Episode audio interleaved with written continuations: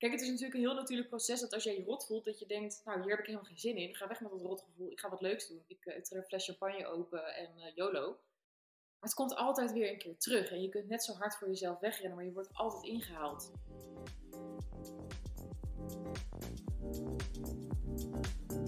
Welkom bij Plannen Simpel de podcast. Ik ben Renske en deze podcast gaat over productiviteit, gewoontes en alles wat daarbij komt kijken.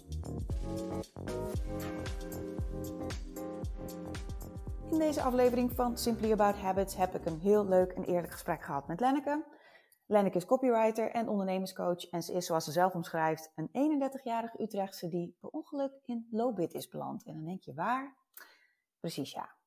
Eind 2018 gooide ze namelijk haar hele leven om. Ze zegde haar baan op en kocht een huis aan de andere kant van het land, midden in de natuur. Lenneke legt graag de vinger op de zere plek en ze gooit ook nog wel eens een knuppel in een hoenderhok hier en daar. Dus maak je niet alleen klaar voor heel veel inspiratie voor hele interessante en unieke gewoontes, maar dus ook een partij eerlijkheid waar je later nog wel eens aan terugdenkt van, ja, ja, ze heeft eigenlijk wel een heel goed punt eigenlijk. Nou, dat dus. Heel veel plezier met luisteren. Wat is jouw ochtendroutine? Ja, nou, ik wilde dat ik hier een heel goed antwoord op kon geven, maar dat is niet zo, dus dat begint lekker. Uh, maar ik ben nog heel erg zoekende in mijn ochtendroutine sinds mijn hond is overleden, eind april.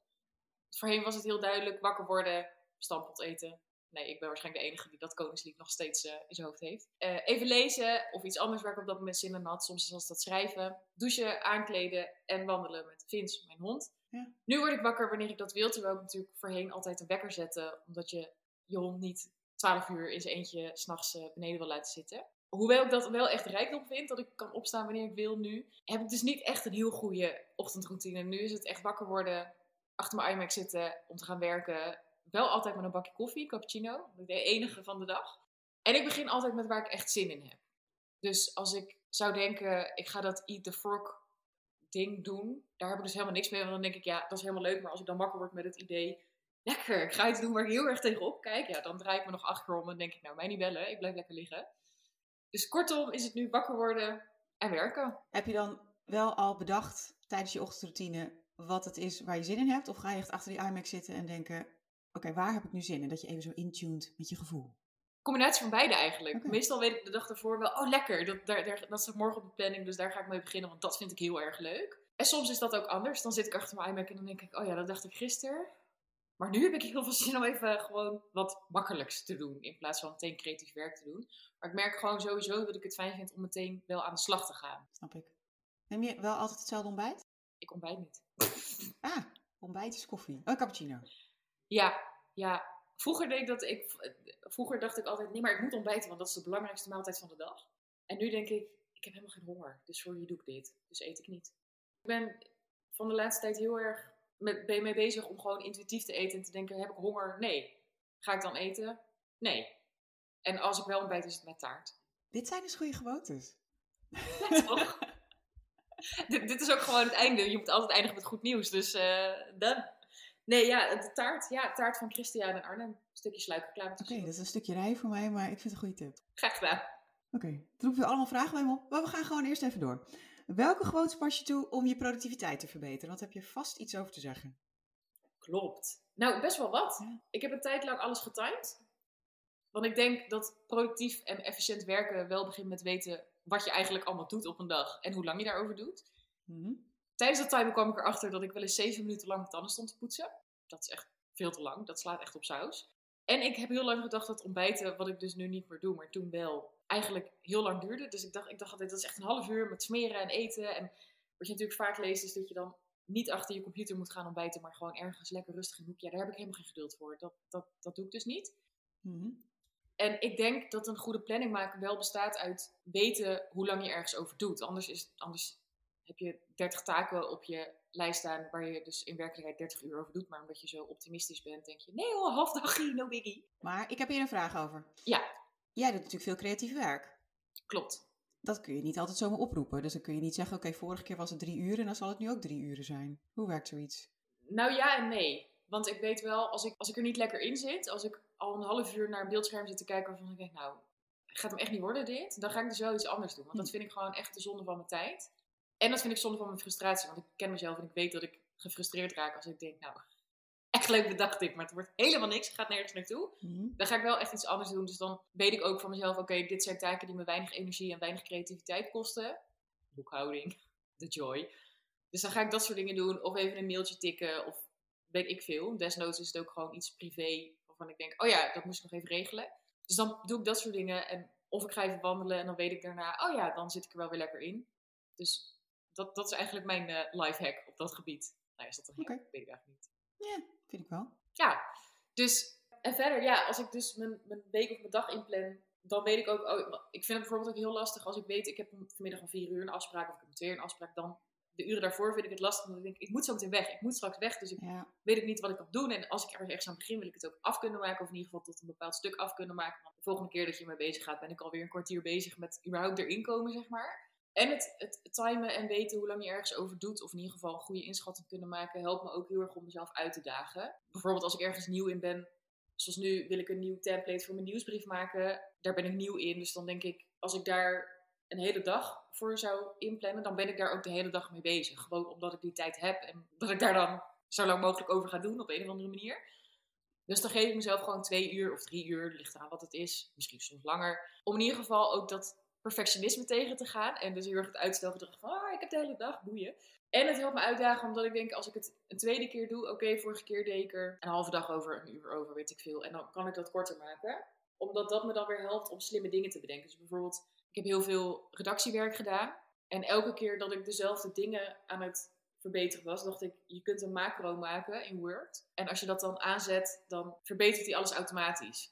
Dat is natuurlijk briljant. Ja? Dus dan, ik ga dan echt zoeken naar, oké, hoe waarom ben ik heel de tijd dezelfde dingen aan het doen, terwijl ik dit gewoon kan automatiseren of makkelijker kan doen. En door mezelf dus korter de tijd te geven, hou ik mezelf scherp op hoe ik dat dus kan verbeteren. Ook omdat ik denk dat heel veel ondernemers wel echt een soort luxe probleem hebben door Ja. eindeloos te blijven schaven en eindeloos te blijven uitstellen. En ik geloof veel meer in gewoon gaan en gaandeweg verbeteren. Ja, omdat we, eh, vaak heb je de agenda aan jezelf.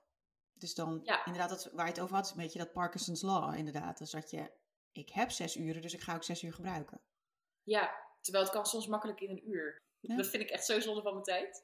Ben ik ook even benieuwd, heb je dan een bepaalde manier om de tijd bij te houden? En waar zet je dan neer hoe lang iets duurde? In mijn planner. Ik, ik ben eh, heel ouderwets. Ik heb een papieren planner. Ik kan dat niet digitaal. Hoe vaak ik het ook heb geprobeerd. Hoe graag ik ook zou willen dat het, dat het zo is. I can't. Dus ik heb een papieren planner. En dan zet ik de taken er neer. En dan zet ik er meteen erbij hoe lang ik denk dat het gaat zijn. Maar ik zet er ook bij hoe lang het daadwerkelijk was. Hm. En de timer doe ik dus met mijn, eh, met mijn Apple Watch. Ik zou net zeggen, je Apple Watch waarschijnlijk. Want jij hebt me geïnfluenced om een Apple Watch te kopen, dus eh, ik weet het. Lekker. Wel via mijn Hm. affiliate link, toch? Ik dacht het wel, ik weet het eigenlijk niet eens. Anders, eh, sorry. Ik ben niet boos. Oké. Wat nog meer? Nou, die Apple Watch, die helpt me echt Mhm. enorm om productiever te zijn, omdat ik nu mijn telefoon uit het zicht kan leggen. Zeg ik terwijl die hier naast me ligt, maar goed. Dus als ik echt geconcentreerd... Ik heb altijd moeite gehad met, als iemand mij dan belt, dat ik dat niet zou zien. Of zo. Omdat ik dan denk, straks, straks staat de hele wereld in brand en dan is er iets ergs en dan ben ik gewoon onbereikbaar. Dat zou ik heel erg vinden. Maar nu kan ik hem gewoon uit het zicht leggen in een kastje, deur dicht. En zie ik hem niet, maar gaat wel gewoon mijn telefoon af op mijn horloge. En ook op mijn iMac en alle apparaten van Apple, maar goed. Verder doe ik mijn e-mails maar één keer bekijken. En dan niet als in één keer per dag, maar als ik een e-mail binnenkrijg waarvan ik weet dat daar 6 miljoen miljard vragen in staan, maar ik heb nu geen tijd om hem te beantwoorden, dan open ik hem ook niet. Want ik, als ik iets zonder vind van mijn tijd, is het e-mails twee keer openen. Dat vind ik gewoon dubbel werk, vind ik onzin. Open eindjes afhandelen. Want ik ben iemand, ik weet eigenlijk niet of dat een, een algemeen ding is, maar ik, ik heb heel veel moeite met losse eindjes. Mhm. Dus ik krijg als open laadjes in mijn hoofd die heel veel ruimte innemen, heel veel energie kosten. Omdat ik telkens denk, oh ja, ja, daar moet ik nog iets mee, dat moet ik nog doen. Dus of ik doe het meteen, of ik, in ieder geval haal ik het uit mijn hoofd door het ergens op te schrijven. Ik, ik WhatsApp mezelf heel veel, heel gezellig. En ja, de timer zetten dus. Ja. Dat is het denk ik wel. En je zei net eigenlijk, hè, soms dan heb je inderdaad zo'n afspraak staan en dan zit je daar een beetje te denken van wat kan ik doen? Wil dat ook zeggen dat jij productiever bent doordat je heel ja, strikt, ik wil zeggen dat je een soort regels hebt voor wanneer je afspraken maakt of of je afspraken maakt? Ja, ik probeer daar wel zoveel mogelijk rekening mee te houden. Dus bijvoorbeeld, als ik naar de fysio ga, dan weet ik gewoon, daarna ben ik brak. Want die man die, die die vouwt me dubbel en die, die zet 180 naalden in me. En dan, dan weet ik gewoon, daarna komt het niet meer per se van werken. Ik heb vaak ook hoofdpijn als ik daar geweest ben. Mhm. Dus dat plan ik altijd aan het einde van de dag. Want als ik dat aan het begin van mijn dag doe, dan gooi ik een dag weg, zeg maar.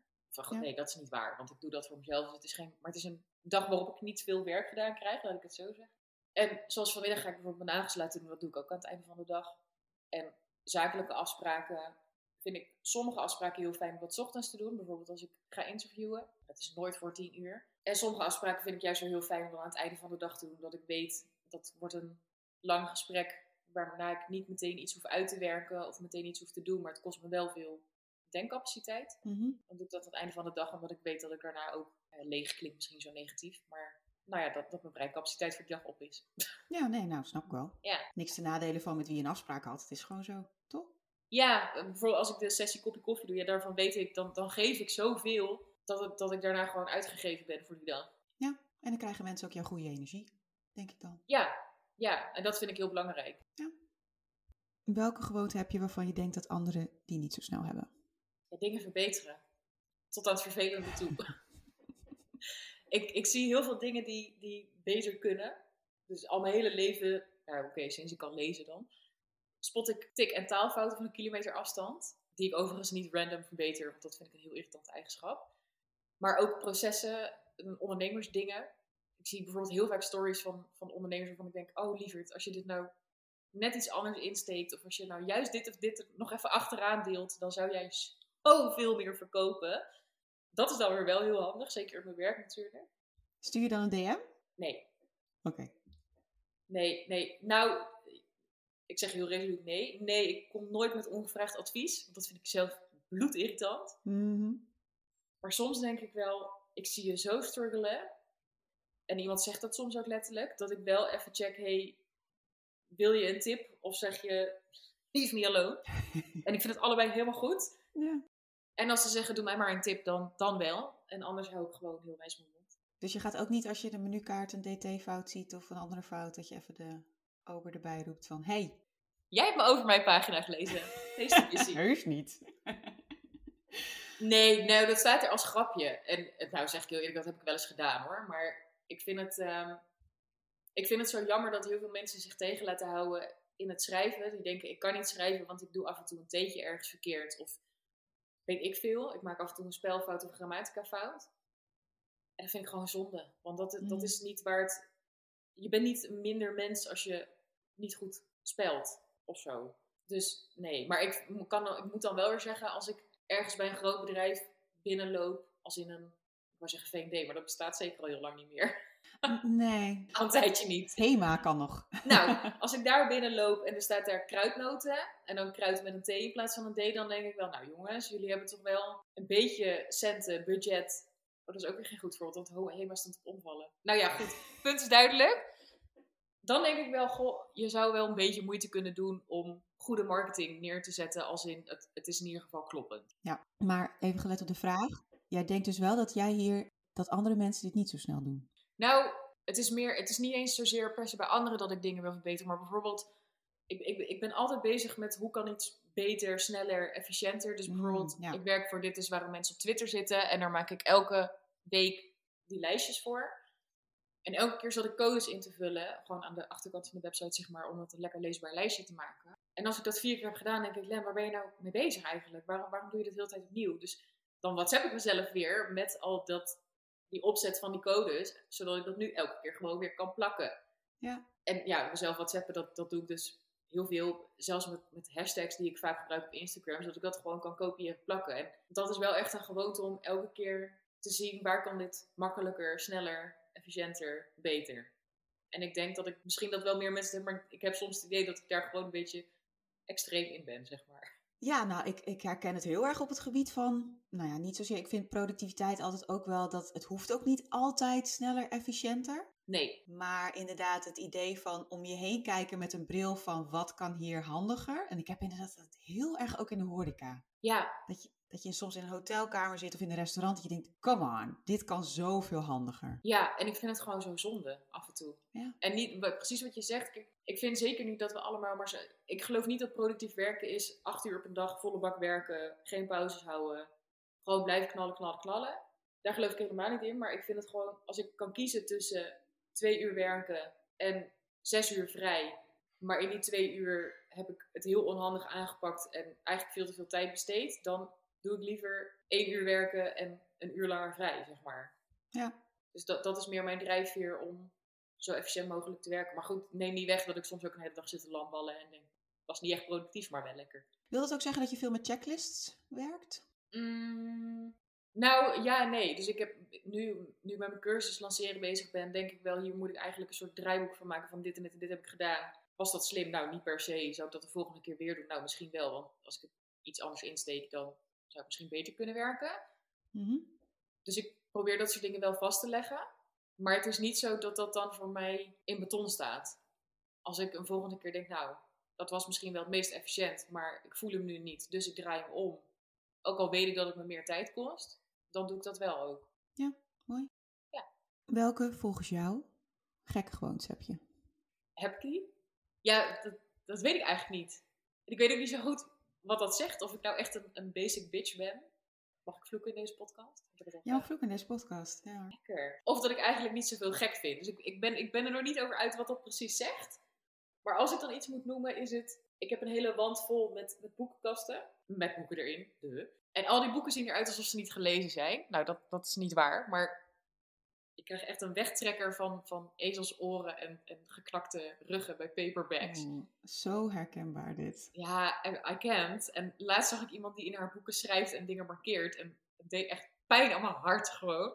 En misschien op een spijkermat liggen, wat ik nu doe. Oh ja. Nou, wat ik nu doe klinkt alsof ik er nu op lig. Dat is niet zo. Maar ik doe wel elke dag op een spijkermat liggen. Werkt het? Ja, Hmm. ja. Ik kan niet zeggen dat het heel lekker is in het begin. Maar het, het ontspant mijn hele lijf. En je krijgt er lekker warm van, dus dan hoeft die verwarming niet aan. Nou, tel uit je winst. Influencer. Nou, ik heb opgeschreven in mijn voorbereiding. Ik wil niet zeggen dat het een gekke gewoonte is, maar af en toe even de knuppel in het hoenderhok gooien. Daar ben je af en toe wel van. Ja, de laatste tijd wat meer. Maar ik vind, ik vind heel veel wat er online gebeurt gericht op... Je moet, je moet het allerbeste uit jezelf halen. En je moet alles goed en perfectionistisch en snel. En terwijl ik denk... oh, En wat ik heel lastig vind is dat het altijd is... Koop dit en verdien 10.000 euro in de maand. Dus ik vind het heel erg inspelen op, op iemands... Wat hij zelf vindt tekortkomingen. Mhm. En je bent geen echte ondernemer als je geen ton per jaar draait en weet ik veel wat. Dus ik vind de, de algehele tendens een beetje, je bent nooit goed genoeg. En ja, daar heb ik echt een broertje dood aan. Daar word ik echt link van. Dus dan denk ik, misschien mo- moeten we gewoon met z'n allen eens wat genuanceerder worden. En wat authentieker worden. En het wat beter met elkaar voor hebben of zo. Nou ja, dat, dat las ik inderdaad ook op je Over Mij pagina. Dat je ook wel het belangrijk vindt om bezig te zijn met mentale gezondheid. Ja, Met je goed gevoelen op jouw manier. ja en niet, niet eens zozeer goed voelen. Want nou, zeker sinds mijn hond overleden is, dat, dat vond en vind ik heel moeilijk. En wat ik vroeger altijd deed is... Kijk, het is natuurlijk een heel natuurlijk proces dat als jij je rot voelt, dat je denkt, nou hier heb ik helemaal geen zin in. Ga weg met dat rotgevoel. Ik ga wat leuks doen. Ik, eh, trek een fles champagne open en eh, YOLO. Maar het komt altijd weer een keer terug. En je kunt net zo hard voor jezelf wegrennen, maar je wordt altijd ingehaald. Dus wat ik ook jammer vind, is dat inderdaad het beeld leeft dat je je altijd goed moet voelen. Ja. Terwijl voor mij een lekker leven, leven is dat ik alles mag voelen. Dus dat ik, dat, dat ik soms vreselijk opgegeten word door verdriet. En dat ik soms vreselijk kwaad ben. En soms ook gewoon vreselijk blij. Het liefst natuurlijk zo vaak mogelijk. Maar als dat niet zo is, is het ook goed. Ja. Dat vind ik heel belangrijk. Dat is ooit dat, dat eh, ik weet niet meer wie me dat vertelde, maar dan heb je inderdaad dat, dat verhaal een beetje van dat je een hoteleigenaar bent en dat elke gast die komt is welkom. En dan is het dus een beetje een metafoor voor, ja, maakt niet uit welke emotie aanklopt. Het is allemaal oké. Ja, Mag er allemaal zijn. Ja, en ik, ik weet ook, weet je, alles gaat voorbij. En als ik dan heel verdrietig ben, dan, dan weet ik ook, ik, ik ben niet alleen maar dat verdriet, ik ben zoveel meer dan dat. En ik heb verdriet. En dat heeft mij heel erg geholpen. Maar goed, ja, ik, ik ben ook best wel lang in therapie geweest, EMDR gedaan. The joy. Heeft me heel erg geholpen wel. En sindsdien denk ik, ja, je mentale gezondheid is echt, echt wel heel belangrijk. Ja. En zeker om niet alleen maar door te denderen en er nooit bij stil te staan. Precies. En ik ben een projector, dus ik, ik heb sowieso minder energie dan de gemiddelde mens. Dus dan denk ik, ja, we zeggen allemaal lui zijn is slecht en weet ik veel wat. Maar ik ben gewoon lui en ik hou ervan. Nou, dat. Ik ben ook een projector. Dat dacht ik al. nou, we moeten niet over alles heel lang hebben. Hè? We komen nooit door die vragen. Nee. Oh, wel nog een gewoonte die ik heb is als ik een hond zie, dat ik uit de auto spring. Dus zelfs als ik mijn auto daarvoor aan de kant moet zetten om te gaan aaien. Dat, dat, is, dat is nog mijn, mijn leuke gewoonte. Ja, en sowieso jouw ding met auto's. Ja, love it. En, en je gaat heel hard rijden ook, hè, af en toe, in Duitsland. Ja, kunnen we deze nog uitknippen? Nee, grapje. ja, ja, ook wel af en toe in Nederland. Dus ik, ehm, ik huil wel eens in verkeersboetes. Maar dat, dat is wat het is. Dan moet je maar op blijven zitten. Maar zeker als ik hier de grens over ga, dan trek ik wel even het gas open. Ja. Ja, als dan toch niet alles snel moet in het leven, dan in ieder geval wel het autorijden. Je hebt ook mooie one-liners de hele tijd. Dat dacht ik. Voor op een tegeltje. Ja. Ik ga ze onthouden. Oké, welke gewoonte ben je ooit met goede moed aan begonnen? Maar doe je nu helemaal niks meer mee? Om vijf uur opstaan. ja. Morning Miracle gelezen, was dat het? Nee, wel nee. Nee, nee, dat is dan weer zo'n ding dat ik denk, ja, dat is dan helemaal een hype, dus dat vind ik dan niet leuk of zo. Maar het, het leek me heel fijn om om vijf uur op te staan. En dat was het op zich ook wel, moet ik heel eerlijk zeggen. Want de hele wereld slaapt nog. Nou, dat is overdreven, maar in ieder geval heel Nederland slaapt nog. Dus je hebt gewoon heel veel rust. En er is, ondanks dat ik al mijn notificaties uit heb staan, is dat gevoel toch anders. Dat je weet dat er überhaupt niemand is die je appt, ondanks dat je daar geen berichtje van krijgt of je mailt. Ja. En ik hou enorm van die rust. Maar ik hou ook heel erg van slapen. En dat ritme van om negen uur s'avonds naar bed gaan en om vijf uur weer uit, ja, dat, eh, dat beviel me toch niet zo. En je hebt een heel goed bed, met een heel goed dekbed overtrek. Nu wel, nu wel. Ja, Ja. ik heb die boxspring gekocht en ik, ik wil nu forever in bed liggen. Doe ik niet, wil ik wel. Maar om, nee, nee, om vijf uur opstaan, ik doe het niet meer. Nee. Maar nu ben ik weer het andere uiterste hoor, want ik heb gisteren elf uur geslapen. Ja, dat is wel het probleem. Ik ben ook echt een slaper en dan kun je inderdaad altijd wel doorgaan. Ja, nee, ja, en dat is dus nieuw voor me, want voorheen had ik altijd een wekker staan en nu niet meer. Maar ja, ik, ik hou gewoon heel erg van slapen en ik heb ook veel slaap nodig. Heb jij ook veel slaap nodig dan? Ja, dat zal wel. Ja, ja. Want ik heb veel vrienden met eh, jonge kinderen. Ja. Die heb ik niet. En dan hoor ik ze soms over... Nou, ik heb misschien gemiddeld de laatste drie nachten vier uurtjes gepakt. En denk ik altijd, hoe sta jij nog? Ja, ja ik, ik kan daar ook niks. Ik, ik, I can't gewoon. Als ik jonge ouders zie, als in niet per se jong in leeftijd, maar net ouder geworden, dan denk ik, ik zou zo'n draak van de mens zijn. Ik ben, ik ben echt niet leuk met slaaptekort. Ik ben niet leuk met honger en ik ben niet leuk met slaaptekort. Nee, ik denk altijd bij Expeditie Robinson, ik word als eerste weggestemd. Bloedzagrijnig. Ik ook. Ja, of ik leg iedereen om of zo, maar het is. ehm, nee, nee, nee. Nee, dus om vijf uur opstaan doen we niet meer. Was leuk, maar nee. Oké. Welke gewoonte kost je veel moeite, maar levert je ook veel op? Ja, nou het leuke is, ik moet altijd weten waarom ik iets doe. Dus ik moet het nut ervan inzien. Dus ik, ik ben duidelijk een, een questioner. En dus over het algemeen kosten dingen die ik wil doen me relatief weinig moeite. Omdat ik ze graag doe, omdat ik weet waarom ik het doe en wat het me oplevert. Mhm. Maar als ik dan toch iets moet noemen, nou ik zei net al, ik ben echt een draak als ik honger heb. En ik vind voedzaam eten lastig. En niet zozeer om het eten daadwerkelijk naar binnen te krijgen. Maar nou, ik zei net ook al, ik ben lui.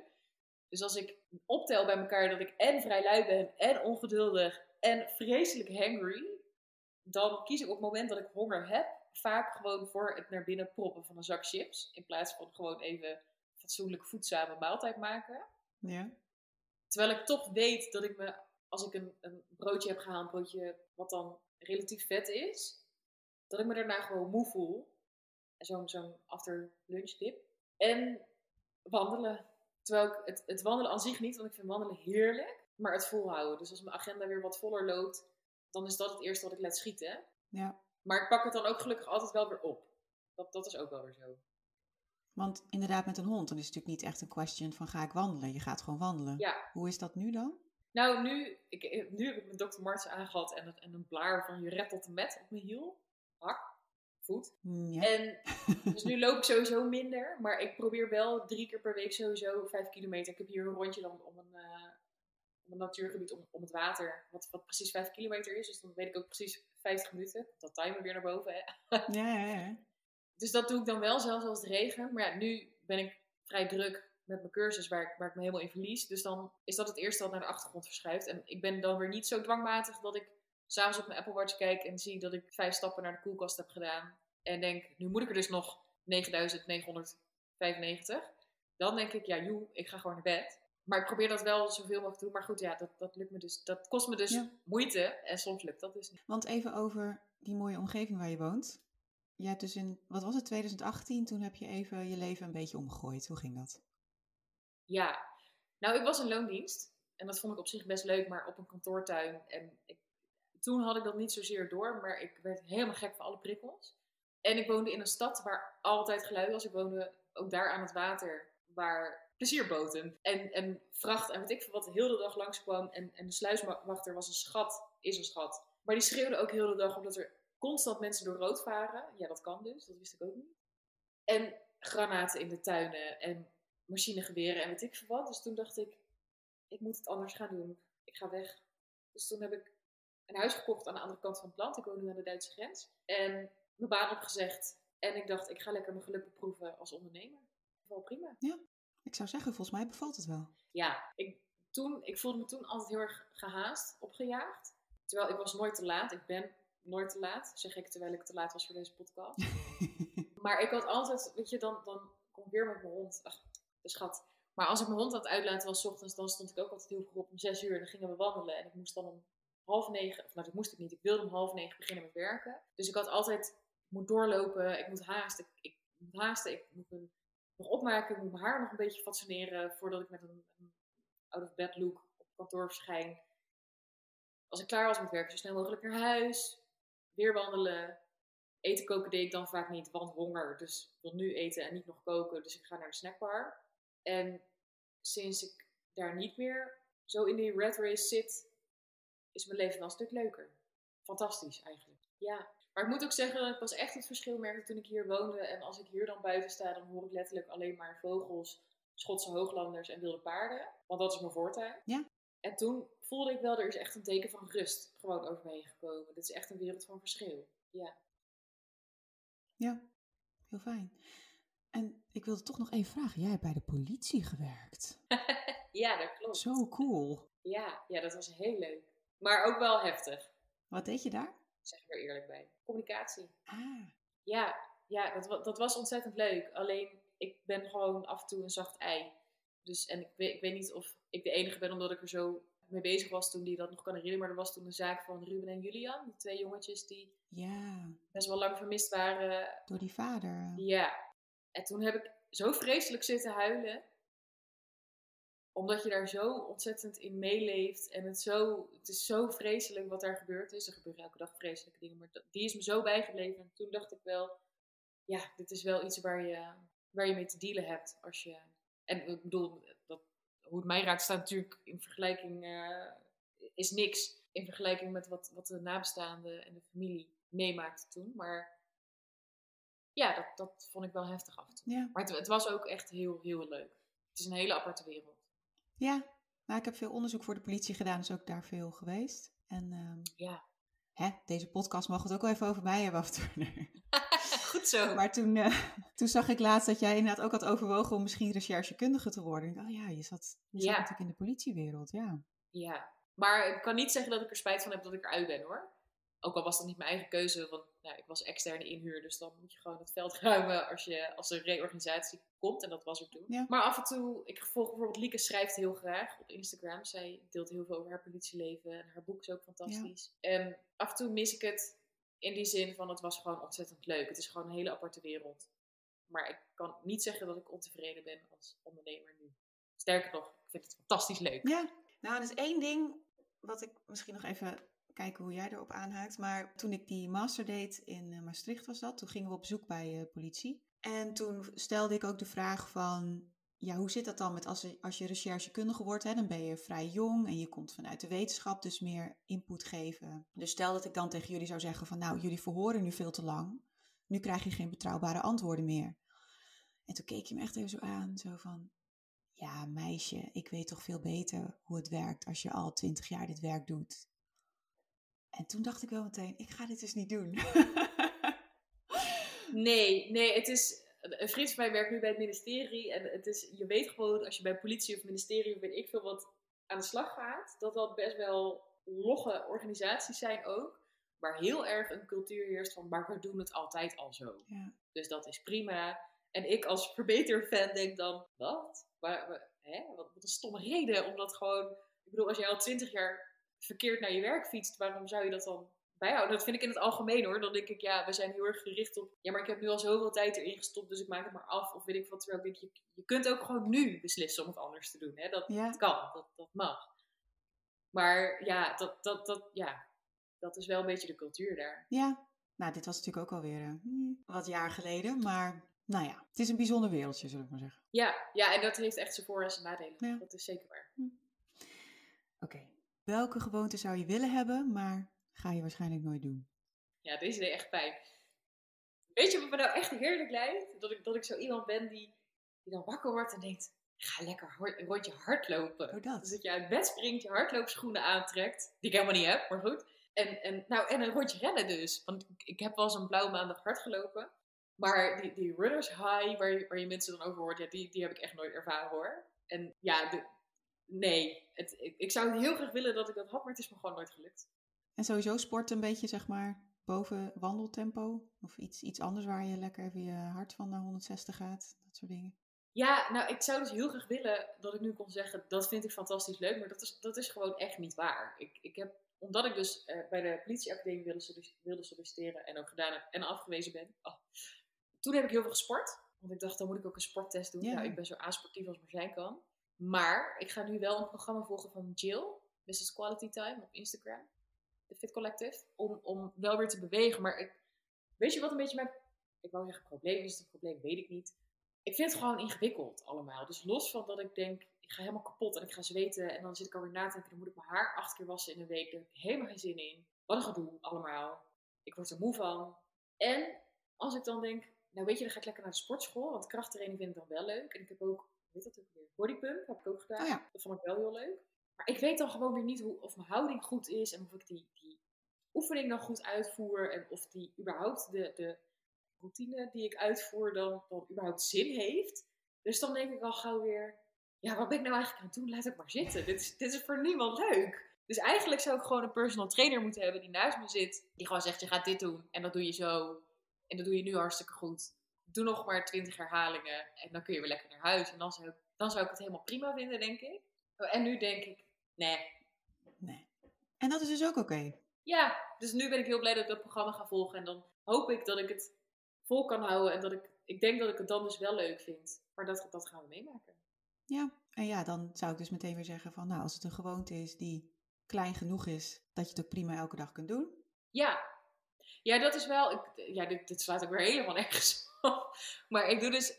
Ik heb een. een het maakt eigenlijk helemaal niet uit, maar ik heb een wasmeubel en daar kan ik me precies staand tegenaan opdrukken, zeg maar. Ah, En dat doe ik dus iedere dag. En dat kan ik dan, omdat ik dan weet, oké, zelfs als ik in bed lig en denk, shit, ik heb dat helemaal nog niet gedaan vandaag. Oh, nou, dan, dan kan ik nog mijn bed uit en dat alsnog doen. En denk, zo, lekker. Ik geef mezelf even een schouderklopje. Wat niemand ziet, maar toch. Dus dan doe ik dat zo klein, maar, maar dan bevestig ik telkens bij mezelf: oh ja, nou dat kan ik gewoon volhouden, Ja. dat doe ik goed, dat lukt mij, dat kan ik. En dan kan ik dat steeds verder uitbouwen. Maar goed, ja, aan vijf keer opdrukken heeft natuurlijk precies niemand echt iets. Behalve dat, dat het je zelfvertrouwen geeft en dat je denkt: nou, dat hou ik toch maar mooi even super lang vol. nou, het is nog steeds veel beter dan mensen die nooit elke dag opdrukken. Toch? Dat dacht ik. Alles is beter dan niks. Bam. Ik vind het cool. Voor welke gewoonte heb je een Ulysses-contract met jezelf nodig? Ja, dat is toch wel mijn telefoon. Hmm. Ik heb, ik heb dat niet zozeer met eten, want ik heb heel lang bij een diëtist gelopen en dat vond ik helemaal niks. Dus droge crackers eten met kipfilet. Nou, dat is echt voor niemand een feest. Maar mijn telefoon, ja, ik hou van hem omdat ik er vreselijk veel mee doe. Ook voor mijn werk. Maar ik verafschuw hem ook omdat ik, als ik hem zie, dan pak ik hem. En het is echt zo'n vreselijke gewoonte dat ik, als ik mijn, mijn telefoon unlock, dat ik meteen naar Instagram en weet ik van wat gaat. Terwijl ik volg drie mensen. Dus ik zie helemaal niks nieuws. Dat slaat helemaal nergens op. Ik vind het ook weer onzin om mezelf een maximale schermtijd op te leggen per dag. Omdat ik denk, is het dan tussen, tussen aanhalingstekens slecht als ik een boek lees op mijn iPhone? Of als ik stories maak om een, om een ondernemerstip te delen en daar hopelijk anderen mee te helpen? Of als ik een goed gesprek heb via WhatsApp met een vriend of vriendin? Dat vind ik dus niet. Dus ik, dan denk ik, ja, dan, dan zou ik dat moeten afkappen omdat ik mezelf een uur per dag geef. Dat, dat, vind ik onzin. Maar wat ik wel weer probeer is mijn telefoon niet mee naar bed nemen. Want ik, ik weet gewoon van mezelf, als dat ding naast me ligt, dan zit ik weer te scrollen. Terwijl ik dus niks nieuws zie. Dus het slaat echt helemaal nergens op. En als ik wakker word, dan pak ik hem weer meteen. Ja. Zelfs als dat twee uur in de nacht is. Dus als je wakker wordt om twee uur in de nacht, dan pak je ook je telefoon. Ja. Ja, is het dan inderdaad altijd eerst Instagram dat je opent? Of zijn er nog andere apps waarvan je denkt, oeh... Ja, het, heel, erg- dan ga ik dus dat gewoonterijtje af. Dus Instagram, Twitter, mijn mail. En dan denk ik, wat ben ik nou eigenlijk aan het doen? ja, het slaat nergens op, want ik heb net vijf minuten geleden gekeken. Het is, ja, het is een hele interessante. Je kunt natuurlijk wel ook met, want je hebt een iPhone, toch? Ja, Je kunt nog bepaalde apps op dat scherm zetten die dan gelokt is overdag. helpen mij allemaal niet. Nee joh, want dan blokkeer ik Instagram op mijn telefoon en dan ga ik in mijn browser verder. Dat, is- dit klinkt wel als verslaving, hè? Ja, oké. Nee, ik snap het wel. Dus het zou, je zou echt moeten hebben dat iemand het wachtwoord van jouw Instagram verandert en jou dat dan s'avonds zou geven. Dat zou er helpen om niet op Instagram te kijken. Dus dat is dan echt inderdaad het Ulysses contract dat je nodig hebt. Nou ja, ik, ik doe nu dus mijn telefoon gewoon wegleggen, zodat ik hem niet zie. Want, en dan merk ik dus wat voor gewoonte het is. Want dan wil ik met mijn hand naar mijn telefoon en dan denk ik, oh ja, die ligt er helemaal niet. Oké, dom. Maar ik heb de app, is dat een app? Nou, extensie zeg maar in Chrome. Volgens mij Cold Turkey Ja? heet die. En dan kan je dus alle websites naar keuze blokkeren. Dus dan blokkeer ik al die websites en dan kan ik ook daar... En dan merk ik dus weer dat het een gewoonte is. Want ik hoef helemaal niet per se op Instagram te kijken, maar ze staan in een uh, bladwijze balk. Ja. Dus dan klik ik erop en dan zie ik, dit is geblokkeerd. Dan denk ik, oh ja, de. nou, dat doe ik dan een keer of vijf en dan denk ik, oh ja, oh ja, het was ook niet de bedoeling dat je hier naartoe ging. En dan gaat het goed. Ja, dus ik vind het wel weer tof te merken dat je inderdaad er wel mee bezig bent, over hebt nagedacht. En toch wel iets van een methode hebt gevonden die voor je werkt. Ja, je moet wel. Nou ja, nee, ik moet helemaal niks. Maar ik denk dat ja, als ik nou 48 keer hetzelfde heb zitten bekijken, misschien moet ik dan gewoon wat anders gaan doen. Welke gewoonte wil je eigenlijk doorbreken? Nou, eigenlijk niet zoveel. Ik ben, ik ben eigenlijk wel heel blij met, met hoe ik nu ben en, en wat ik doe en hoe ik dat doe. Maar als ik dan iets moet noemen, en het is maar goed dat het een podcast is zonder beeld, dat ik zonder eh, make-up en gewoon als sloddervos, en ik vind niet dat je altijd make-up moet dragen, even voor de goede orde, maar dat ik, dat ik als sloddervos zo net uit bed hmm, lekker achter mijn iMac zit, in, mijn- in mijn huispakkie, knot op mijn kop, niks aan mezelf gedaan. Terwijl ik eigenlijk donders goed weet dat ik, als ik gewoon net even iets aan mezelf doe, dat ik dan lekker in mijn vel zit. Hm. Ja, en nou ja, misschien is dat het ook wel, wat in het verlengde hiervan ligt, is dat ik een gewoonte heb om altijd moeilijk te doen als ik geld aan mezelf wil uitgeven. Dus, en nu denkt iedereen, huh, maar je laat je nagels doen. Klopt, dat heb ik na jaren eindelijk weer, weer opgepakt. Dat doe ik nu elke drie weken. En ik heb voor mijn verjaardag een nieuwe herfstgarderobe gekocht. Want veel van mijn kleding is dus al tien jaar oud. Nou, dat zegt wel hoe, hoe makkelijk ik geld aan mezelf uitgeef. Ja. Maar ook gewoon simpelweg naar de kapper gaan of zo. Ik ben nu alweer bijna een jaar niet naar de kapper geweest. Omdat ik het dus lastig vind om iets te doen voor mezelf, tussen haakjes, zomaar. Dus ik wil er eigenlijk altijd dat er een goede reden achter zit. En bijvoorbeeld zakelijke aankopen kan ik dan veel beter aan mezelf verkopen. Want dat is ergens goed voor, tussen aanhalingstekens. Maar gewoon simpelweg iets doen voor mezelf, vind ik toch lastig. En dat vind ik een irritante gewoonte. Ja. Ja, want ja, dat is natuurlijk, ik weet natuurlijk niet of je daarvoor betaald hebt, want het kan ook een verzekeringsding zijn. Maar je hebt jezelf wel echt gegund om naar de psycholoog te gaan. Ja, verzekeringsding. Ja. Ja, dat, dat werd allemaal goed. Ik heb echt een super uitgebreide verzekering. Maar stel dat je nu iets zou merken van, oh, ik, ik zou het wel weer kunnen gebruiken en het kost 100 euro per sessie, want dat is het vaak wel. Zou je dat dan jezelf gunnen nu je weet wat je weet over hoe het kan helpen? Maar dat is omdat er een goede reden achter Hmm. zit.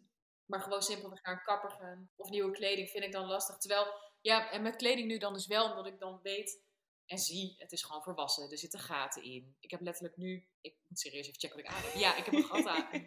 Met een gat. ja. Ik laat het jou nu zien, maar dat kan voor de Ik rest kan niet bevestigen zien. dat er een gat in zit. Ja. En ja, bedankt.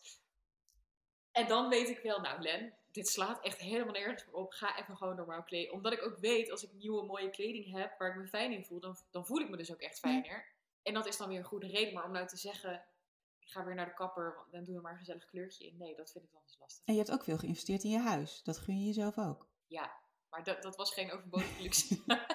ik heb echt een krot gekocht. En de kozijnen waren zo rot dat als je ervoor stond of zat, dat je gewoon een windvlaag in je nek kreeg. Nou, en nu isoleren met de, met de huidige energieprijs. Ik heb net een nieuw contract binnen. Het wordt drie keer zoveel. Kan wel jammer. Wow. Dan is dat natuurlijk geen overbodige luxe, dus dan doe, je er, dan doe je het ook weer ergens voor. Plus, wat ik heel erg merkte toen. Ik dacht heel erg eerst van, ik ga alles bij elkaar sparen. Maar goed, het is een... Dit klinkt heel erg als een humble brag, maar dat is het niet. Maar het, het is een heel groot huis. Dus in een heel groot huis heb je ook heel veel vierkante meters Ja. vloer. Heel veel vierkante meters raam. En heel veel vierkante meters waar je zonnewering voor moet doen. Moet niet, maar dat wilde ik. En ik dacht, ik ga alles bij elkaar sparen en dan, dan ga ik het laten doen. Maar dat betekent dus dat ik met bouwzeil voor mijn ramen zat. Dus er waren ook al meldingen dat ik hier witkwekerij had. heb ik niet, jongens, heb ik niet. Als ik dat had, dan had ik wel een duurdere BMW gereden. Maar ik kwam erachter, toen ik toch mijn hypotheek ging verhogen en het toch allemaal heb laten uitvoeren, dat het woongenot heel bepalend is voor hoe je je voelt. En dat ik toen pas zag en voelde van, ik voel, het voelt niet meer als een camping in mijn eigen huis. En dat was wel prettig. Ja. Welke gewoonte heb je omdat het volgens de huidige culturele sociale regels zo hoort? Ja, geen één. Ik, ik heb echt een hekel aan dingen doen omdat het moet, of omdat het zo moet, of omdat het hoort. En ik was vroeger een enorme pleaser, maar tegenwoordig denk ik heel goed na over wat ik zelf fijn vind en, en wat niet. En dat kan dus ook per dag verschillen. Maar bijvoorbeeld toen ik nog in loondienst was, toen keek ik zo op tegen de eerste werkdag van het nieuwe jaar. Want Ja. je dan iedereen gelukkig nieuwjaar moet wensen en dan dus moet zoenen. En no offense, maar ik wil gewoon niet iedereen zoenen. Dus die eerste werkdag van het jaar vier ik altijd extra hard dat ik ondernemer ben. en dat ik helemaal niemand hoef te kussen. Maar omdat ik dus daar niet zoveel mee heb, omdat ik echt denk, ja boeien dat iemand dat bedacht heeft, maar dit werkt niet voor mij, doe ik ook best wel veel dingen anders wat sommigen ook wel onbeschoft vinden. Maar ja, dat, dat, ja, dat, dat is wat voor mij werkt. Ja. En je bent ook altijd wel heel eerlijk en openhartig geweest over contact met je gezin, familie, ouders. Ja, nee, ja, ik, daar ben ik inderdaad heel open over. Ik heb inderdaad contact verbroken met mijn ouders. En ook dat is een ding waarvan natuurlijk de, de algehele opvatting is, dat doe je niet, want het zijn wel je ouders. Maar daar kan ik dus ook niet zo heel veel mee. Omdat ik denk, ja, het is allemaal leuk. Maar wat voor relatie het ook is, wat voor ja, relatie het ook is, je hoeft niet met mensen door te, geen tijd met mensen door te brengen die jou niet gelukkig maken of zelfs ongelukkig maken. En daarmee zeg ik niet dat mijn ouders mij ongelukkig maakten. Maar het is geen gezonde situatie voor mij. En dat wil niet zeggen dat zij slechte mensen zijn, maar dat is gewoon hoe Ja. het is gelopen. Dat is een keuze die ik heb gemaakt. Waar heel veel kritiek op komt, altijd. Maar waar ook door erover te delen heel veel herkenning is. En daarom deel ik daar maar over, omdat ik denk, ja, we kunnen ons wel allemaal houden aan ongeschreven regels. En dingen die anderen ons opleggen. Maar als dat echt iets is waar jij je dood ongelukkig bij voelt, dan moet je het gewoon anders gaan doen. Ik vind het zelf ook altijd wel lastig met mijn vader is overleden als het dan vaderdag is. Weet je, alles staat in het teken van, ga iets leuks voor je vader kopen, iets met je vader. Ik heb sowieso nooit echt iets gehad met moeder en vaderdag hoor, mijn ouders ook zelf gewoon niet. Nee. Maar dat is ook weer zo'n ding, ja dat is dan cultureel dat we daarmee bezig zijn, maar er zijn natuurlijk heel veel mensen die daar ook heel veel pijn van kunnen ervaren. Ja. Ja, en als we dan kijken naar marketing, dan denk ik, ik krijg dus, net als ieder ander in Nederland, 120 miljoen nieuwsbrieven met koop iets leuks voor je moeder, koop iets leuks voor je vader. Nee, dat wil ik helemaal niet. En ik wil deze mails ook helemaal niet ontvangen. Maar er is nooit een optie, schrijf mij uit, meld mij af voor alle Ja, moederdag, vaderdag dingen of zo. Terwijl het natuurlijk voor heel veel mensen niet zo'n leuke mail is. Understatement. Ehm, wanneer had je een overnight succes? Ja, ik denk eigenlijk het, het hele ondernemen aan zich. Hm. Ik, ik wist als kind niet per se dat ik ging ondernemen. Maar ik wist wel heel erg goed dat ik niet voor een baas wilde werken als ik later groot was. Ik zag mezelf vooral als een, als een soort van baas van, van mijn eigen tijdschrift of zo. En dat is natuurlijk ook wel een soort waar geworden toen ik mijn blog begon, volgens mij in 2011. En ik schreef me toen in bij de Kamer van Koophandel, omdat ik dus ging bloggen en ik nog helemaal hyped was als ik een gratis telefoonhoesje kreeg. Goeie oude tijd. En eigenlijk rolde ik toen per ongeluk binnen bij mijn eerste klant. En dat was een, een juristenkantoor dat voor volgens mij nog geen cent per woord uh, oersaaie SEO-blogposts wilde hebben. Ja, zo ben ik dus ook begonnen. En van het een kwam het ander. Dus van die ene klant kwam, kwam, kwam de volgende. Ik heb nooit een euro uitgegeven aan, aan reclame, aan adverteren. Maar er kwamen steeds meer klanten. Tot ik op een gegeven moment een dag minder ging werken in loondienst. En toen kwam wel het besef, als ik nu al zo goed draai, relatief gezien natuurlijk. Ja. Wat gebeurt er dan als ik er volle bak voor ga? En toen ik een mail schreef voor mijn werkgever waar ze een ton mee verdiende, dacht ik, ja later, dit, dit ga ik dus gewoon voor mezelf doen. En toen kocht ik een huis aan de andere kant van het land, nam ik ontslag en ben ik gaan ondernemen. Helemaal leuk. Ja, en ook met, nou ja, je hebt bijvoorbeeld Kopie Koffie eh, bedacht, dat natuurlijk sowieso al een superleuke titel is. Thanks. Ja, dus zo help je Ja. natuurlijk ook weer ondernemers hierin verder. Dus je bent inderdaad, ik zag nu ook op je nieuwe website, je noemt jezelf niet alleen maar meer copywriter, maar ook ondernemerscoach. Ja, wat, wat ik heel lastig vond, omdat natuurlijk iedereen en zijn moeder wordt nu ondernemerscoach. En, maar ik, ik geloof er gewoon niet meer. Kijk, als copywriter moet je natuurlijk heel goed weten wat je opschrijft. En zeker als het lastigere materie is, moet je het wel heel simpel kunnen uitleggen. Dus ik moet het ook allemaal kunnen begrijpen. Want als je het niet begrijpt, kun je het ook niet duidelijk en makkelijk uitleggen. En iets simpel maken is ook helemaal niet zo makkelijk als het klinkt. Nee. Dus ik, ik verdiep me zo in zo'n bedrijf dat ik op een gegeven moment wel dacht, zeker toen Kopie Koffie kwam, ja, dat, dat was natuurlijk al een heel stuk, of dat is al een heel stuk business coaching. Omdat ik echt met je meekijk naar, oké, maar je, je zegt eigenlijk dat je een matras verkoopt, maar niemand is op zoek naar een matras. Iemand wil gewoon heel lekker slapen en een goede nachtrust. Dus daar kijk ik helemaal in mee en nou, daar komt dus dan weer die verbeterdrang van pas. En toen dacht ik, ja, er is heel veel ophef over ondernemerscoaches, maar fuck it, ik ga deze titel wel gewoon toe-eigenen en ownen, want ik verkoop je geen bullshit. Nou, bam. En het is gewoon wat het is. Dat dacht ik. Ja, omdat ik, dan vind ik het toch weer zonde, want dan denk ik, ja, het, weet je, daar ging de laatste knuppel die ik in het hoende- hoenderhoek gooi, zo, Moeilijk woord ook. hoenderhok gooide. Mm. Nou, je kunt het beter schrijven. Dat gaat over die nuance, omdat ik het gewoon lastig vind dat zoveel mensen wel gebakken lucht verkopen. En voor mijn part komt er wel echt een soort keurmerk of zo voor goede coaches. Omdat ik het verdrietig vind dat er op zoveel eigen, naar eigen zeggen tekortkomingen, naar eigen vinden tekortkomingen wordt gedrukt. En je naar binnen wordt gelokt met, met grote verhalen en gouden bergen. En uiteindelijk koop je een zak stront voor, voor weet ik veel hoeveel. Een high-end aanbod natuurlijk, want het moet allemaal duur en groot en meeslepend. En dat daar heel veel kritiek op is, dat snap ik. Maar ik wil me ook niet laten tegenhouden door die kritiek, omdat ik denk, het is jammer dat de mensen die de ongenuanceerdste bek hebben, de meeste aandacht krijgen. En de mensen die het beste werk leveren, waarmee ik nu niet zeg dat ik het beste werk lever, dat die daardoor ondergesneeuwd raken of zelfs zichzelf helemaal niet durven laten zien, omdat er zoveel kritiek op is. En dat vind ik heel zonde. Ja, nou zo. En het is ook, kijk, je kunt er dan weer allemaal weer een ander woord voor gaan verzinnen van, ik ben geen Ja. coach, maar ik doe dit. Maar iedereen snapt wat je bedoelt met coach. En het is ook gewoon super fijn om gecoacht te worden. Ja, dat, nou ja, ik ben natuurlijk zelf heel lang in therapie geweest en dat is dan geen coaching, maar ik, ik weet gewoon wat het je kan brengen. En nou wat ik zeg, ik weet dat ik je geen bullshit verkoop. En dat vind ik het belangrijkste. Dus dan kan ik daar een heel ingewikkelde term voor verzinnen die wel heel creatief is, maar niet duidelijk. Maar daar schiet ik niks mee op. Nee. Nou, en het is wat ik ook mooi vind altijd, inderdaad, jij bent ook heel goed van, je moet niet van die woorden gebruiken die, wat je zei met dat matras en mensen willen gewoon lekker slapen. Ja, en het, het is natuurlijk vaak kopieergedrag, omdat zoveel mensen verlangen zo enorm naar dat succes. Waarvan ik op mijn beurt zeg, 10.000 euro verdienen klinkt als heel veel.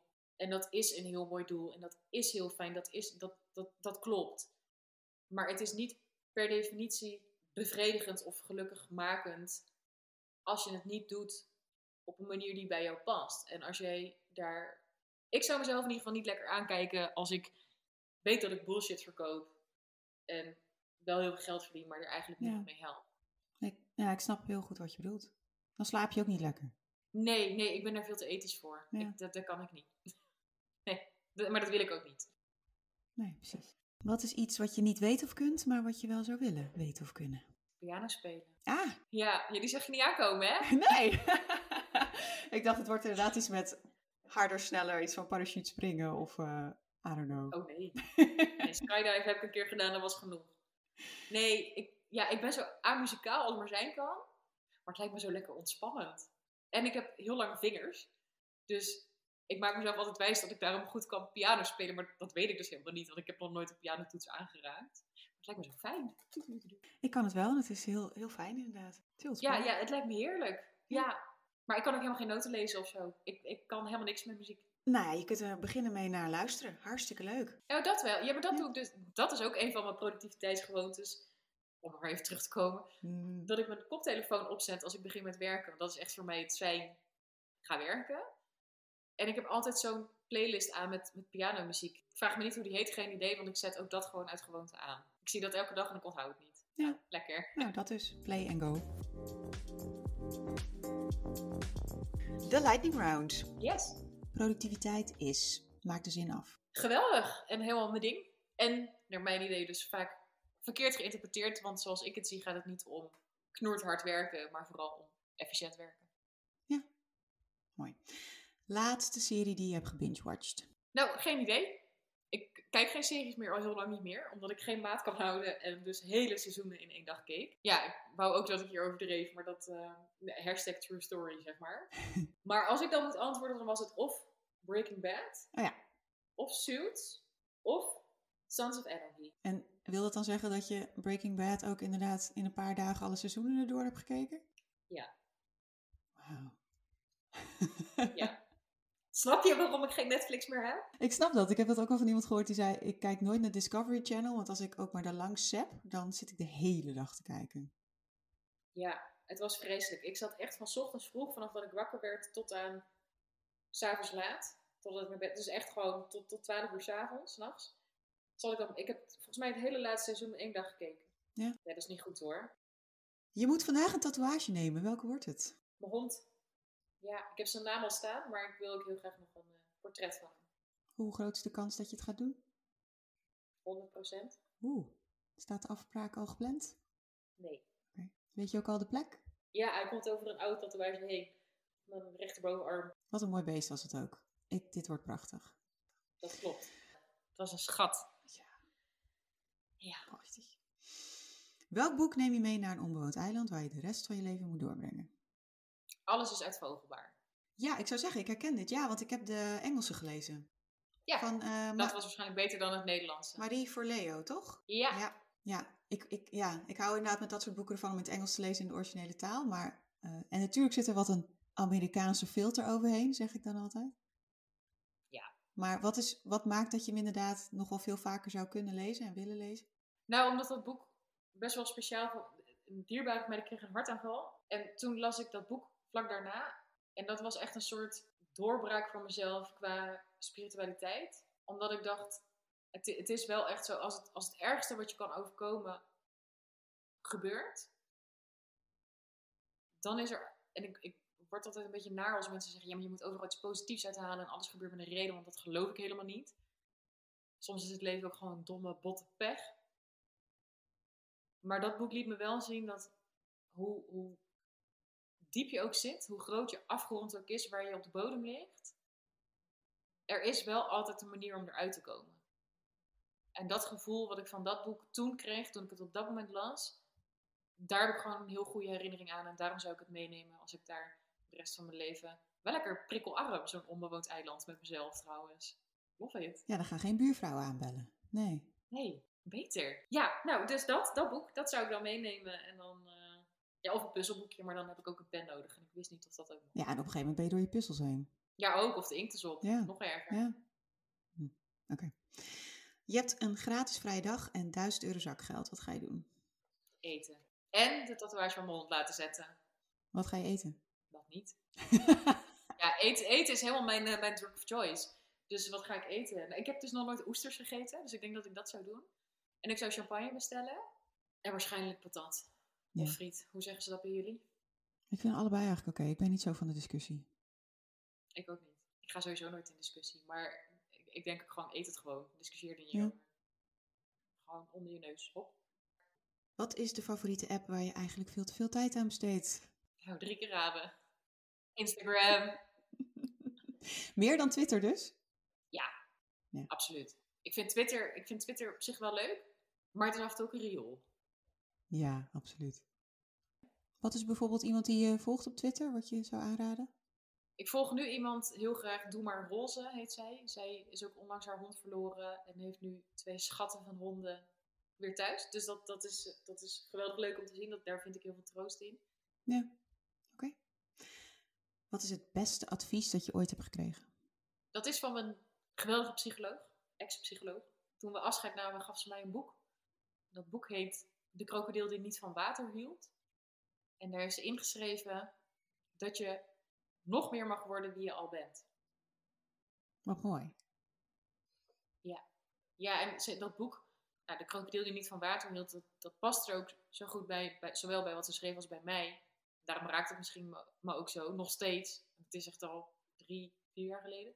Maar dat boek gaat dus over een krokodil die met al zijn krokodillenvriendjes is en iedereen houdt van water en zwemmen en hij niet. En aan het einde van, nu ga ik het spoilen, hè? maar goed, het is een kinderboek. Dus als je niet, niet wil dat, dat je de spoiler krijgt, dan moet je even een minuut verder skippen.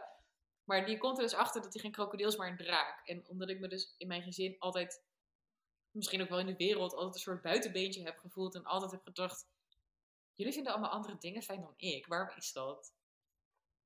Hoezo, waarom, waarom ben ik zo anders? En daar heb ik best wel veel moeite mee gehad. En nu denk ik, ik own dit gewoon. Ja. En ja, weet je, ook, ik ben best wel prikkelgevoelig. Dus als ik op een verjaardag ineens in een hoekje met mezelf sta te verpieteren, dan heeft dat helemaal niks met, met de jarige of zo te maken. Of andere mensen, maar gewoon omdat ik even wil ontspannen.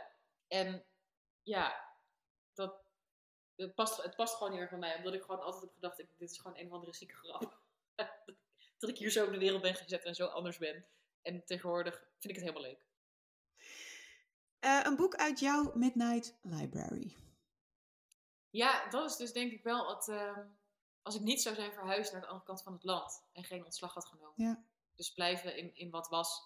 En ik denk dat ik vreselijk burn-out was geraakt. En zoals ik het nu zie, is alles fysiek achter me laten wel echt het allerbeste ooit.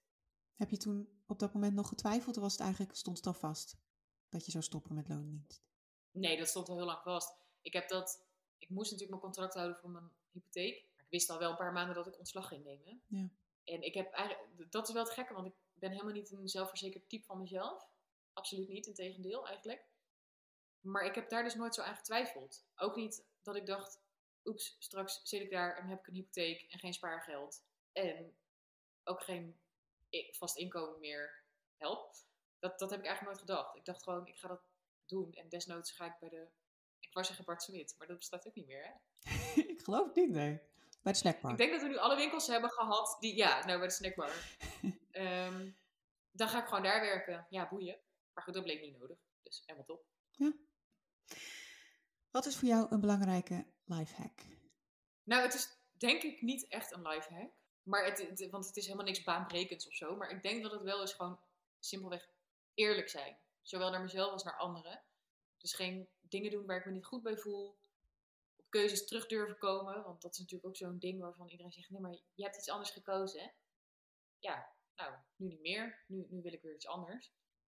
Dus misschien is dat dan niet zozeer eerlijk zijn... maar vooral volledig mezelf zijn. Met, met al donker en al licht dat erbij hoort. Nou, die is ook wel heel erg tegenwaardig hoor, deze. Ja, hè?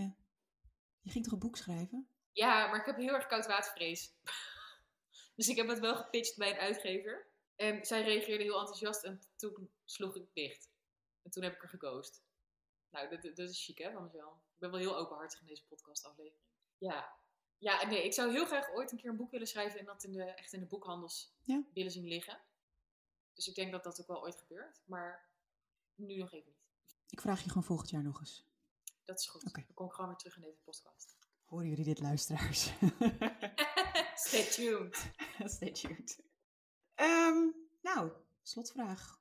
What are you most excited about in your life right now? Nou, nu erg over patat, omdat we het daar net over hadden en ik heb nog niks gegeten. Maar om, om een serieus antwoord te geven, is eh, de nieuwe stap in het ondernemen die ik nu aan het zetten ben. En dat is eh, onder andere de cursus die ik ehm, nu lanceer, nu we het aan het opnemen zijn. Dat is de, de After Summer Copy School, waarin je in vijf dagen leert om copy te schrijven die je verkoopt.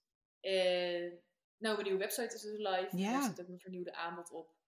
Juist ook omdat ik voorheen ook wel losse pagina's schreef voor ondernemers, maar ik geloof zo in, in het totale pakket, in dat alles bij elkaar aansluit, dat alles klopt. En dat wil helemaal niet zeggen dat het dus niet verbeterd kan worden, want ik zou vooral zeggen, wat ik net al zei, gewoon gaan en gaandeweg verbeteren. Maar in ieder geval dat het een, een plaatje is waarmee jij jezelf eer aan doet, je werk eer aan doet en je ideale klant eer aan doet. En het voelt gewoon als een heel, niveau, heel nieuw niveau van ondernemen of zo, dat ik nu een cursus verkoop. Ik weet niet. Dus ik ben helemaal excited. Nou, die website is ook echt mooi hoor. Thanks. Check it out, peoples. Ja. Ja, echt. Ja, weet je, het voelt gewoon zo geweldig om, om steeds meer creatieve kennisondernemers en, en dienstverleners die textuele aantrekkingskracht te geven en meer plezier en vertrouwen te ondernemen. Omdat ik gewoon, ik, ik wil heel graag je, je upliften. Ik wil niet drukken op, op je onzekerheden, maar ik wil juist laten zien dat, dat, dat er zoveel mogelijk is. Ook door mijn verleden overigens. Maar, en het voelt gewoon alsof ik mijn missie nu nog beter uh, vorm heb gegeven. Doordat ik, nou, ik ben dan onderweg naar financiële vrijheid. En ik weet dat heel veel mensen nu denken, bah. Maar dat is ook zoiets waarvan ik denk, laten we meer praten over geld. Um, maar ik ben dus onderweg naar financiële vrijheid om, om een beschermingslaag van geld om mezelf en mijn dierbaren heen te bouwen. En, en zoveel mogelijk mensen daar ook in mee te nemen. Omdat ik kom dus uit een, uit een bijstandsgezin. En ik weet hoe het is om elk dubbeltje om te draaien. En ik vind daar geen reet aan. En geld hebben opent zo vreselijk veel deuren. En als meer mooie mensen meer geld verdienen, dan wordt deze wereld ook een mooie plek. Dus ik denk, laten we daar meer over praten en, en meer over delen. En, en, weet je, het is natuurlijk ook belachelijk dat je op school niks leert over geld. Ik, ik vind dat echt heel raar. Ja, maar inderdaad ook niet leert hoe je mag praten over geld. Precies, het is natuurlijk altijd. Ik, ik ben er heel open over. Dus ja, als jij wat wil weten, vraag het vooral. Maar ik merk dat als ik er zelf wat over zeg, dat mensen best wel eens ongemakkelijk worden. En of het zien als opscheppen of weet ik wat. Terwijl ik denk, ja, het, het, het, is, het is wat het is, weet je. Het is, ik wil dat niet onder stoelen of banken steken of daar geheimzinnig over doen. Omdat ik denk, zoveel mensen zijn er van overtuigd dat ze per definitie niet een kwartje kunnen worden omdat ze voor een dubbeltje geboren zijn. Maar ja, ik ben wel het levende bewijs dat het wel kan. En ik weet dat ik barstende privilege is. Maar ik vind het zo zonde als je ervan overtuigd bent dat het per definitie niet voor jou is weggelegd, terwijl er mogelijk wel mogelijkheden zijn. Ja, en ik vind het ook altijd mooi hoe je erover deelt, juist door niet zeg maar jouw methodes voor je te houden, maar juist je volgers te helpen van jij kunt dit ook doen. Ja, en dan wel weer, kom ik weer met mijn nuance, omdat ik, ik vind het heel lastig om te zien dat heel veel mensen zeggen, maar als ik het kan, kan jij het ook. Terwijl ik denk, dat is niet waar. Net als met corona en, en nu met de energierekeningen. Dat iedereen zegt, ja, maar we zitten allemaal hetzelfde schuitje. Ja, dat, dat is gewoon niet waar. Want de een heeft 3 miljoen op de bank en die lacht om die energierekening. En de ander staat bij de voedselbank en die, weet, echt, die wil gewoon bijna niet meer verder. Omdat hij niet weet hoe hij het betalen moet. Dus daar, daar geloof ik niet zo in. Omdat het wel, los van dat het afhangt van de keuzes die je maakt, is het ook een heel stuk geluk en omstandigheden die maken of je wel of niet iets kan. Ja, maar ik bedoel ook van, jij leert zeg maar je volgers ook gewoon van, kijk, zo werkt dat met affiliate links bijvoorbeeld. Ja, omdat ik gewoon die stap dat zoveel zo weinig mensen dat doen. Ja. Dat snap ik gewoon niet. Omdat ik denk, geld ligt echt heel vaak best wel voor het oprapen. En zeker nu, nu de feestdagen eraan komen en, en iedereen via webshops bestelt. Ja, ga in vredesnaam met affiliate links aan de slag. En, en word gewoon sluimerend, sluimerend rijker. Ja, ik vind het zo zonde dat mensen dat niet doen. Ik snap het niet. Ja. Goeie reminder om daar weer over te delen op Instagram. Bedankt. hey, graag gedaan. Jij heel erg bedankt voor dit gesprek. Jij ook. Ik vond het heel leuk dat ik hier mocht zijn. Ik vond het super leuk om met je over al dit soort dingen te hebben. Ik ook. En um, Thanks. als mensen nou nog meer van je willen weten, waar kunnen ze je vinden? Ja, overal dus. Want ik ben dus overal aan verslaafd, zoals je al hoorde. maar op Instagram heet ik freelance. En dat is echt de domste naam ooit om te kiezen. Want ik moet het altijd spellen. Maar het is dus F-R-E-E-L-E-N-N-S-E. -E. Dat is ook mijn website. Dat is ook mijn Twitter-account. En als je op mijn website bent beland, dan vind je me overal. Maar je kunt ook op Instagram beginnen, dan vind je me ook overal. Ik zet het ook in de show notes. Komt goed. Dankjewel. Ja, heel erg bedankt. En we sluiten hem af. Dankjewel voor het luisteren. Je kunt me vinden op Instagram op @rens_simple, op LinkedIn op Renske Zuurveen en op www.planandsimple.nl kun je alles vinden over mijn 30 dagen programma's. Tot de volgende!